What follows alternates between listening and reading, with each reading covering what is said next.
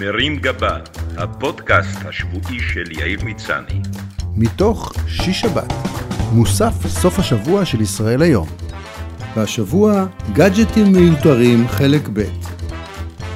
לפני כמה שבועות פרסמתי כאן טור שעסק בגאדג'טים ומוצרי צריכה שהיו פעם עדכניים ומגניבים והיום הם פופולריים רק בפחי הזבל. הבטחתי לפרסם טור נוסף באותו נושא ולכן כמי שמתמחה באי קיום הבטחות, חשבתי שאוכל להתחמק מכך באלגנטיות. אלא שחלק מהקוראים הנאמנים והאובססיביים שלי לא הרפו ודחקו בי לקבל את המגיע להם. כך שאני נאלץ לחרוג ממנהגי ולקיים את ההבטחה. ובכן, המוצרים שלפניכם היו פעם נחשקים ומבוקשים, אבל היום הם אופנתיים בערך כמו זלמן שזר, ואם רק היינו טיפה יותר מאופקים ומחושבים כשקנינו אותם במיטב כספנו ומוותרים על הקנייה הדבילית, אולי הייתה לנו היום דירה על שמנו, במקום שהם יצברו אבק בממ"ד של הדירה השכורה. מכשיר פקס כשהפקס נכנס לחיינו, היינו בטוחים שאנחנו בשפיץ של הטכנולוגיה. הרי איך ייתכן בכלל שמישהו כותב משהו על נייר בתל אביב, ובתוך דקה הוא יוצא בניו יורק? היום בעידן המחשב, המייל והוואטסאפ, כבר אין לו הרבה צידוק, אבל לצערי בלא מעט מוסדות בנקאיים וממשלתיים מתעקשים להמשיך ולהשתמש במכשיר המעצבן ומחייבים אותך לשלוח להם פקסים שונים מה שמחייב אותך לא רק למצוא מכשיר כזה, אלא גם להתלבט במשך שעה אם להכניס את הנייר עם הכתוב כלפי מעלה או כלפי מטה. באופן אישי אין לי שום געגוע לימים בהם חזרתי הביתה ועל הרצפה חיכה לי דף טרמי ארוך שצריך לגזור עם מספריים כדי להפוך אותו לדפים בודדים, וכמו מכשיר לאישור טלטלים להניח על הדפים עשרה ספרים כבדים כדי שהנייר יפסיק להיות מגולגל כמו קלף. בנוסף, הכיתוב על הנייר הטרמי היה נמחק עם הזמן, ולמרות שהיית בטוח שההסכם החשוב על תנאי הפיצויים שלך מתויק בקלסר ליום סגריר, כשבאת לממש את ההסכם נגלה לך דף חלק. ייי! משלוח פקס היה גם הוא מטרד. רוב משתמשי הפקס חלקו את קו הפקס עם זה של הטלפון. וכשניסית לשלוח פקס מישהו היה עונה הלו הלו ולא מבין מה זה צליל המשרוקית החללי המעצבן שהוא שומע. אף פעם לא ידעת אם הפקס אכן הגיע ליעדו, או ששיגרת את הדף שלך לשפורפרת של טלפון.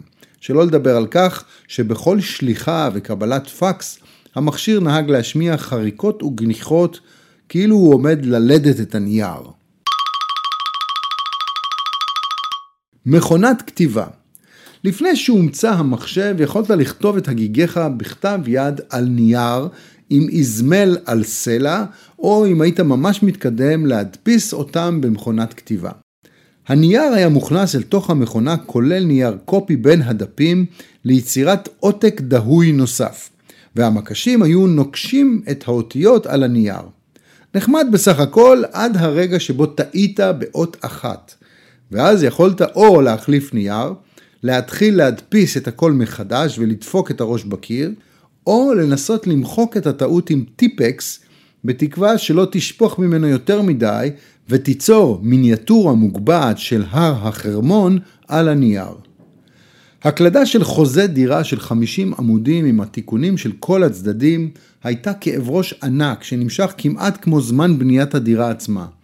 ומקצוע הקלדן או הקלדנית היה מבוקש למדי. איכותם, ואני רציני, הייתה נמדדת לפי מספר המילים שהם הקלידו בדקה.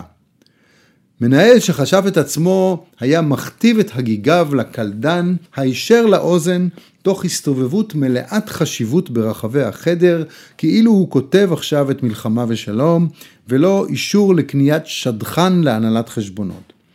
אפשרות אחרת הייתה להקליט את הדברים באמצעות טייפ מנהלים, לא חלילה טייפ סגני מנהלים.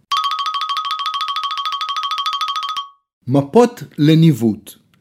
אני מודה שגם עכשיו ולמרות הנוחות, אני לא ממש סומך על המפות הדיגיטליות שמספקים לנו גוגל, אפל ווייז, ומפחד שיום אחד אתקע באיזה חור בלי קליטה ובלי יכולת לנווט.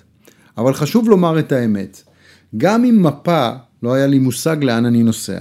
היית צריך להניח את מפת הארץ על הברכיים, וכשפתחת אותה היא הייתה בגודל של הנגב, לכוון אותה לכיוון צפון, ואז לגלות שהשמות של היישובים הפוכים.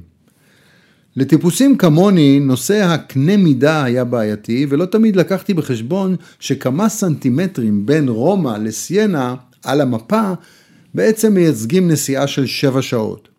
בתקופת המפות היה לגיטימי להסתובב כתייר עם מפה מקופלת ביד, או לעצור עם המכונית אזרחים תמימים ולשאול אותם איך מגיעים לעיר מסוימת. והם היו מכוונים אותך באדיבות, גם אם לא היה להם שום מושג. היום אף אחד לא שואל כלום, ואם בכל זאת תשאל, יחשבו שאתה דפוק בראש ויתרחקו ממך בבהלה, גם בלי להיעזר במפה.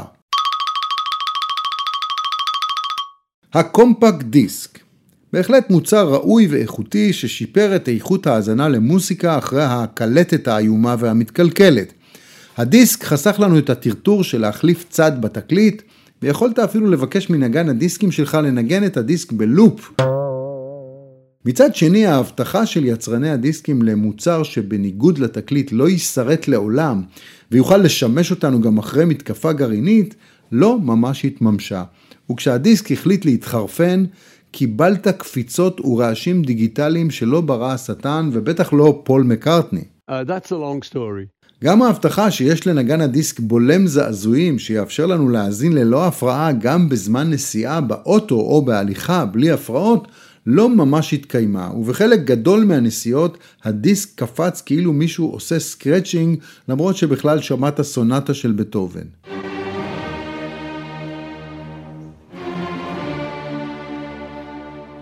מוצר נלווה של התקופה הייתה מחסנית הדיסקים שמוקמה בבגאז' של המכונית. המוצר המשודרג הזה אפשר מעט יותר סדר בתא הנהג והבלגן של עשרות דיסקים זרוקים עבר באופן מאורגן לבגאז' לא רחוק מהגלגל ספייר והמשולש. אלא שדי מהר התברר שאותם דיסקים זה נורא משעמם, וכדי שהשירים לא יחזרו על עצמם אתה צריך להחזיק עוד 50 דיסקים בכוננות, ואולי גם לשדרג לרכב משפחתי עם בגאז' יותר גדול.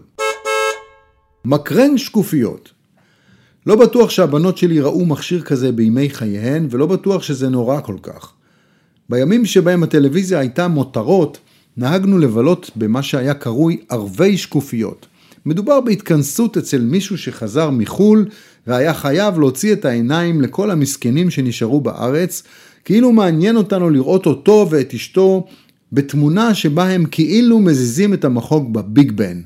זה אפילו לא היה סרט וידאו עם קול, רק תמונות שהוקרנו על הקיר מתוך מחסנית שקופיות מאוד לא דיגיטלית, כשהמארח הנודניק מסביר לאורחים שכאן זה פיזה, לא תאמינו כמה המגדל הזה עקום.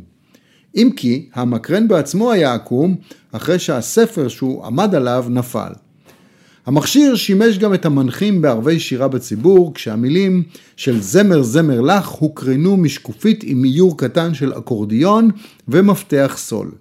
היתרון של מקרן שקופיות היה שהשימוש בו חייב חושך, ואם רצית להתמזמז עם זוגתך או סתם לנמנם, הדבר יתאפשר כל עוד לא נחרת חזק מדי. אנציקלופדיות ומילונים בישראל של פעם המדד לרמתך האינטלקטואלית, או לפחות לפוזה כזו, היה מספר כרכי האנציקלופדיות והמילונים שהוצגו בסלון שלך. תכולת הספרייה הביתית העידה על מעמדך. פשוטי העם הסתפקו במותג שיסייע לילדים בשיעורי הבית ויספק השכלה כללית כמו אנציקלופדיה מכלל, תרבות או אביב. המליינים המתיימרים קנו את האנציקלופדיה העברית שלקח 40 שנה לכתוב ו-80 שנה לקרוא. והסופר מתנשאים התהדרו בבריטניקה ששקלה כמו אבטיח ורק בוגרי אוקספורד שגם ככה לא צריכים אנציקלופדיה הבינו את האנגלית שלה.